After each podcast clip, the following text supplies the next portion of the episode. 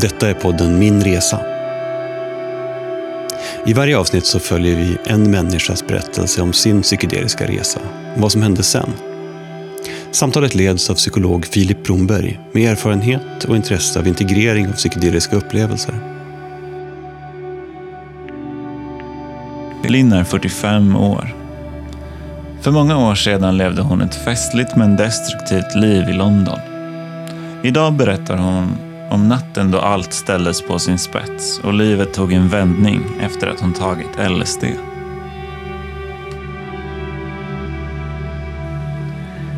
Så jag, jag börjar med att säga välkommen. Ja, men tack. Så jag skulle vilja börja med, med den som åkte till London. Kan du berätta lite mer om, om den personen som du var? Och... Ja, alltså jag eh, är ju uppvuxen eh, på landsbygden och eh, mina föräldrar skilde sig när jag var sju. Och eh, jag växte upp med min pappa medan min mamma bodde... Ja, det tog tre timmar med tåg för att åka och hälsa på henne. Så det var, ja men jag tror ändå att det var en väldigt trygg miljö där jag växte upp. Det var liksom inte stökigt i skolan, det var små klasser och så. Men eh, jag tror just det här med att när man är barn och inte har sin eh, mamma nära sig så tror jag säkert att det ger en hel del spår och är i själen på något sätt. Ehm, så, men eh, det var ju väldigt härligt också att växa upp med eh, min pappa på många sätt. Han var anarkist och såg på att jag skulle få leva ett väldigt fritt liv. Så jag eh, hade nästan inga restriktioner alls. Han hade liksom full tillit till att, eh, ja, att jag klarade mig själv. Och jag, jag, vet inte, jag, jag upplevde det som att det var en fin kärlek. Liksom, så ändå. Eh, sen när jag skulle bli gymnasiet, då var jag ju inte så sugen på att vara kvar på den här lilla bruksorten utan sökte mig någon annanstans. Så jag flyttade hemifrån när jag var 16. Och sen efter Eh, när jag hade bott på den här andra orten så till slut hamnade jag i Stockholm för att leda fram då till din fråga. att eh, Jag hade liksom redan levt ensam eh, ganska länge och klarat mig väldigt mycket ensam. Sen när jag kom på gymnasiet så började jag träffa vänner och, som började ställa lite djupare typer av frågor. Och vi började ha lite mera tyngre samtal. Och det fanns väl någonstans där när jag började inse att det fanns ett enormt eh, tomrum inuti. Så där var jag väl ungefär i, i energin innan jag tog mig till slut iväg till Stockholm, eller jag menar till London för att få utforska någonting annat. Och jag ville samtidigt också finna min botten. Jag hade verkligen tankar på att liksom, ja, hamna så långt ner jag bara kunde. Och med det menar jag också då att vi började lite experimentera med olika typer av substanser och drack mycket på helgerna och just och så. Och då när jag tänkte att eh, i London, där kan jag nog få ha ett liv där ingen överhuvudtaget vet vad jag gör. Utan då kan jag få fullt fritt bara utforska. Uh, oh, var mycket musik och klubbar och sånt som drog såklart. Så det var ju inte, det var inte så här, oj nu ska jag iväg och vara deppig. Utan det fanns ju någon sorts, okej okay, nu kör jag. Så jag bara flyttade ensam till London. Utan kompisar och så, utan jag bara åkte dit. Eh, hittade rätt typ av miljö. Hur var det när du kom till London? Jag hade ju aldrig varit utomlands eh, sådär ensam tidigare. Jag upplevde det som, jag har ju skrivit dagbok hela livet, så jag har liksom dagboksanteckningar från den här perioden. Så jag tror jag beskrev det som att det var som att vara i ett svart rum som man famlade runt. För jag visste ingenting vad jag egentligen skulle göra där. Jag bara hade någon typ av längtan och dragning till att jag alltid älskat att dansa. Att, jag, att det fanns bra klubbar, man kunde dansa. Men sen så visste jag inte så mycket mer. Eh, så, men jag, på något sätt så hade jag fått av något tips av några kompisar som bodde i Stockholm. Som eh, eh, kände till något eh, litet kollektiv med svenskar som jag flyttade in Och det var väl en ganska, till en början så var det ju inte, det var ju mer man kom in i någon sorts vardag där och fick jobb på en fotoaffär i Notting Hill Gate. Och kändes ändå som, kom in i någon sorts rytm där, även där. Och till slut så hittade jag i alla fall den här scenen som jag letade efter med rätt typ av eh, underground miljö som jag var sugen på att utforska. Och hur, hur gick det utforskandet? Jag hade fått nys på att MDMA var en väldigt härlig eh, drog att eh, vara i ett skönt rus kring. Och den känslan som man fick av ecstasy, som det ju populärt kallades, eh, var ju som en känsla av eh, enorma eh, lyckoruskänslor. Eh, och, den, och det var mycket det tror jag som jag så här, längtade efter, att det skulle vara oändligt med att man skulle kunna få utforska det utan att det skulle vara något problem. Liksom att kunna vara i miljöer där det bara var väldigt mycket kärleksenergi eh, på något sätt, fast ett dansgolv då såklart. Så jag hittade i alla fall den här typen av klubbar där både musik och atmosfär och mängden med människor och så, att det stämde. Um, så det var att man på något sätt nästan blev som eh, en, eh, ett inventarie på de här klubbarna. Jag var där varje helg, jobbade på veckodagarna, slet häcken av mig och var ansiktet utåt i den här fotoaffären. Och sen så festade vi hela helgerna och sov knappt någonting. Jag hade i alla fall träffat en kille till slut som jag kunde flytta hem till. Och han och hans brorsa plus en annan eh, kompis, de bodde alltså i södra London. Och eh, det var typ det finaste hus jag någonsin bott i. Eh, och vi hade jättebra där. De var jättefina människor verkligen. Lite äldre var de också, men, men behandlade mig jättebra. Så att jag hade verkligen inga problem med relationerna på något sätt. Utan det var väl snarare att ja, det enda jag ville var bara vara ute och festa. Typ. Hur började du märka då att, det var, att, någonting var, att någonting inte stämde eller att kroppen inte mådde bra? Ja, men det var väl framförallt eh, alltså att jag upplevde de här fruktansvärda mardrömmarna som började komma. Det var liksom blixten slog ner i min kropp. Och eh, på slutet av den här drömmen så ser jag mig själv. Liksom, att, att jag liksom tittar ner på min kropp, att jag ligger på marken och tittar på mitt förkolnade lik. Och hur mamma sitter på knä och, och gråter bredvid. Um, ja, det var mycket sådana där typer av ganska makabra mardrömmar som återkom i olika skepnader.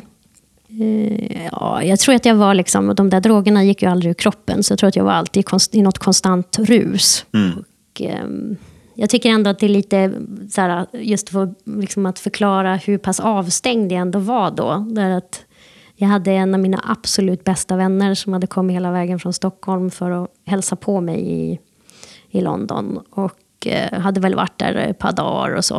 Och han var inte någon som gillade att gå ut och festa överhuvudtaget. Eh, jag tror att jag gick ut och festade i alla fall. Hade liksom inga hyfs whatsoever för att tänka, åh, nu har jag en vän här som har rest långt, nu ska vi umgås. Utan jag eh, ger mig ut en eh, fredag natten och ut och festar. Och så kommer jag tillbaka och jag har varit ute eh, och nästan, ja, jag vet inte, jag tror vi kom hem på så här, eh, åtta på morgonen.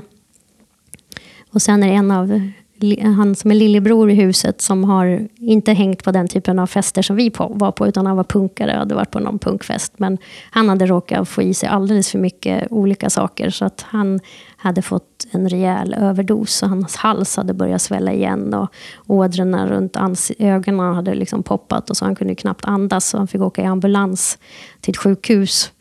Eh, så efter att jag varit och klubbat så följer jag, åker med till det här sjukhuset och ser honom, hur han ligger där med panik i ögonen och hjärtat liksom racear. alltså, det fanns, läkarna, det de sa var att de kunde typ inte göra någonting. Utan det enda som var, var att försöka ge honom en injektion och bara hoppas att hans hjärta skulle sluta racea så mycket. För han höll på att få en hjärtattack. Liksom så. Eller hjärtattack, jag vet inte. Men i alla fall, det var väldigt farligt att hans hjärta slog så hårt. Um, så jag ser det där hända på dagen efter att jag varit och festat hela natten. Kommer sen hem Min vän är där och hälsar på. Eh, jag tror inte att jag gav honom så mycket eh, att vi umgicks eller något sånt. Utan jag bara la mig i soffan och somnade. Sen vaknade jag vid midnatt. Och eh, klär på mig, gör mig i ordning och är redo för att dra ut för nästa fest. Och det där tycker jag bara är så himla sjuk grej att göra. Alltså jag tycker det bara tyder på att man är så här, inte alls... Ja, man är inte närvarande någonstans. För mig låter det som någon som verkligen är helt borta. Så du bodde i London och du festade hårt. Och eh, kroppen började ta stryk. Um, mm. Och så kom det en, en natt då det hände sig så att du tog LSD. Ja, LSD var ju kanske inte så här, äh, någonting... Ja, de drogerna som, som man tyckte var roligast för att kunna gå på klubb, det var ju sånt som höll en vaken, så man kunde dansa hela natten. Och man ville ju kanske inte vara... Man hade liksom... Det man tänkte på LSD var ju mer att man kanske ville vara någonstans och titta på stjärnorna. Eller liksom, det var inte riktigt det man var ute efter.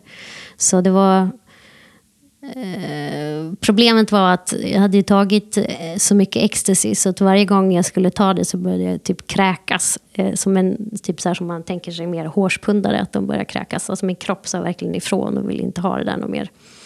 Och jag var väldigt mager också på den här tiden. Jag tror jag vägde 47 kilo, vilket är en extremt låg vikt för att vara min normalvikt. Så.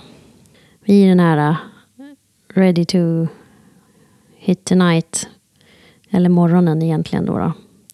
Så drar vi iväg och eh, landar på klubben i eh, södra London, där vi också, vi bodde i södra London. Och klubben låg i Brixton och hette The Fridge. Och eh, klockan är kanske någon gång efter ett, halv två. De andra som jag kommer dit med, de försvinner iväg till dansgolvet för de ska ta ecstasy och, dansa. Men eh, så då hade jag med mig då en lapp med LSD. Som jag hade sparat. En sort som heter White Lightning.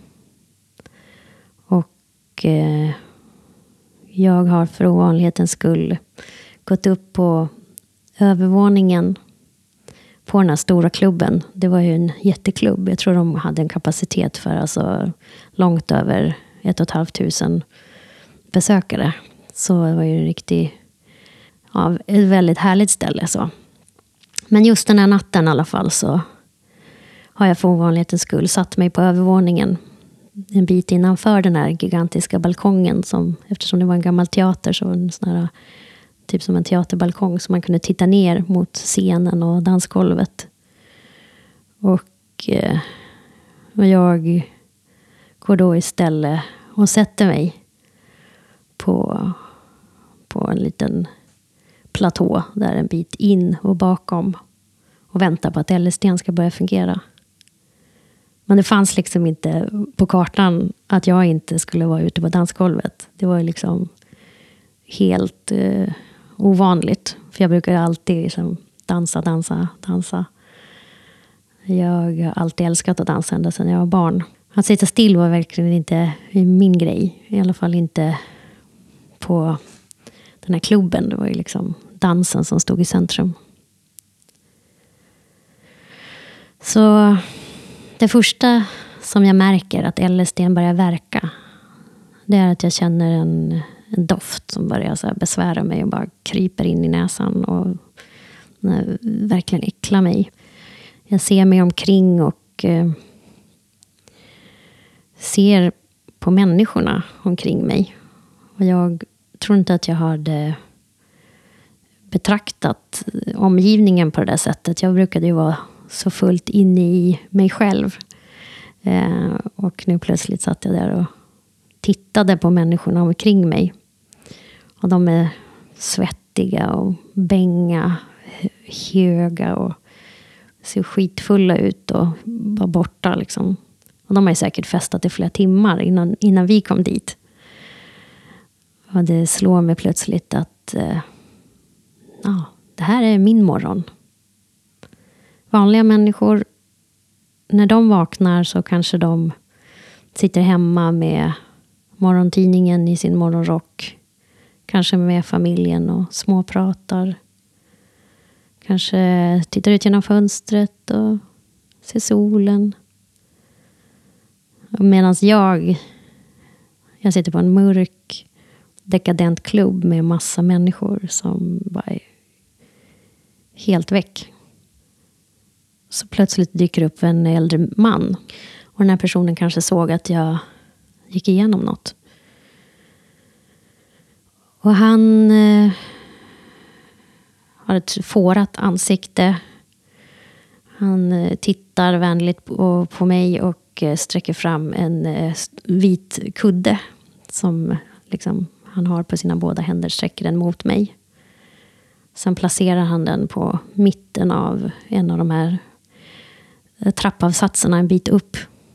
Och sen pekar han med hela handen mot den här kudden och så ser han mig djupt i ögonen och säger And now you sit here and watch.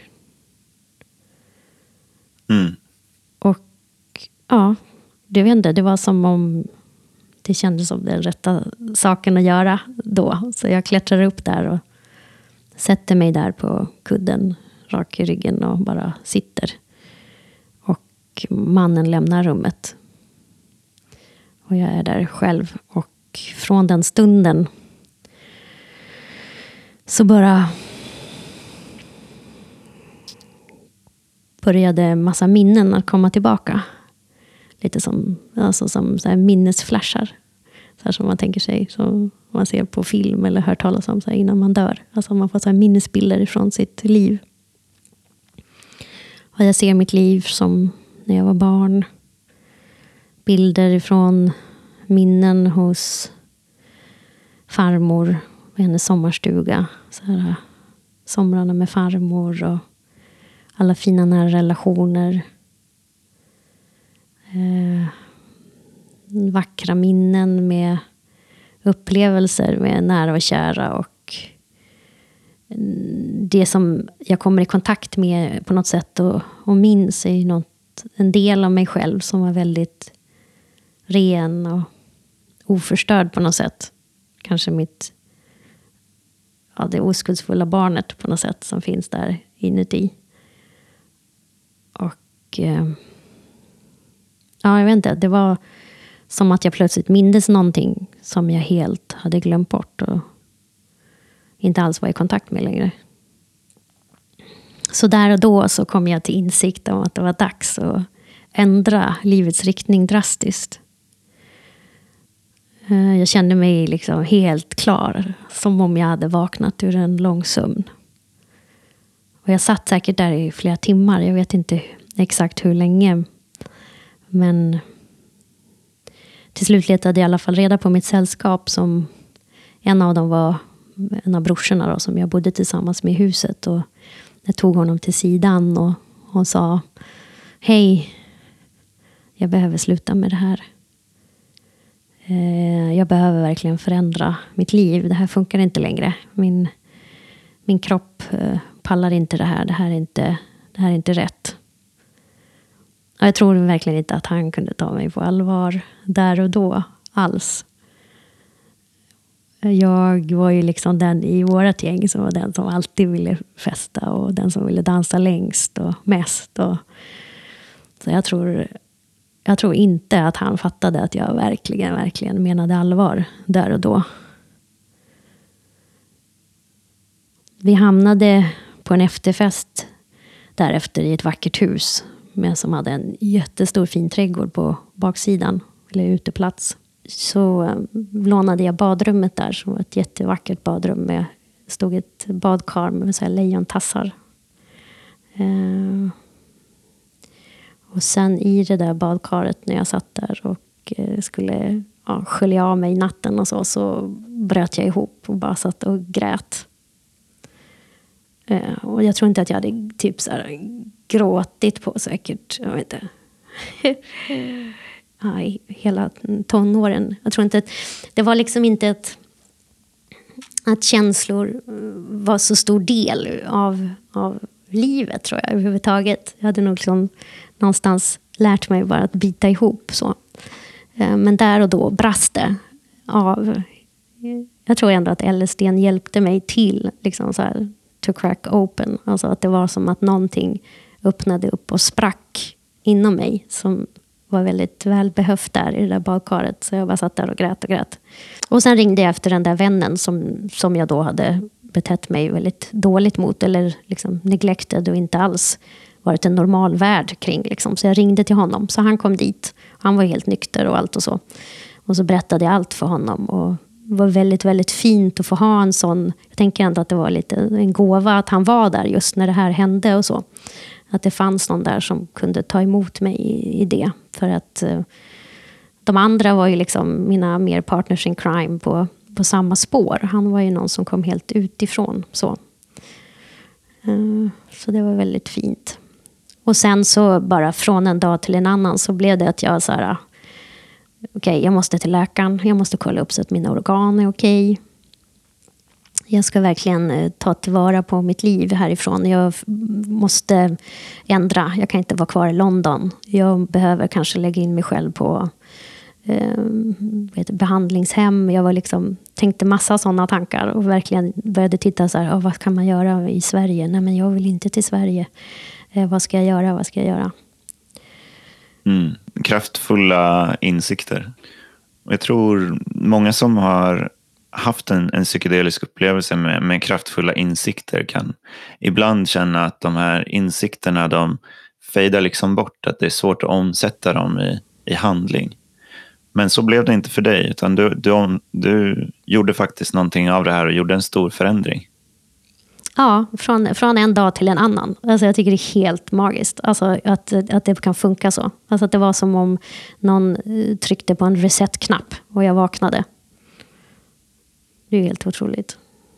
Jag eh, hittade en, eh, en liten oas eh, som eh, jag hade på, något, på någon villvä, eller heter det, på något, fått höra om en man som hade en, en farm, alltså en gård, flera timmar från London. Och han drev en konstorganisation.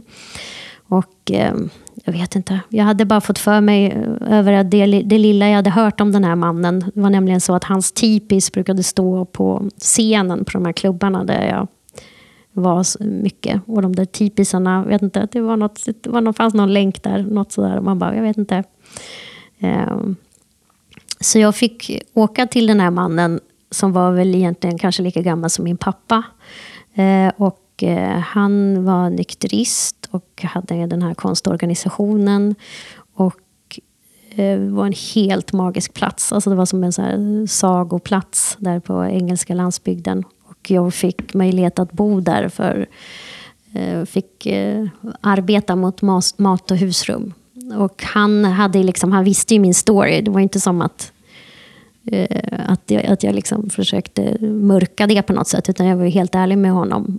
Och personen som tog dit mig över en helg, att, vi, att jag var där lite på prov en helg, så skulle vi se om vi kom överens.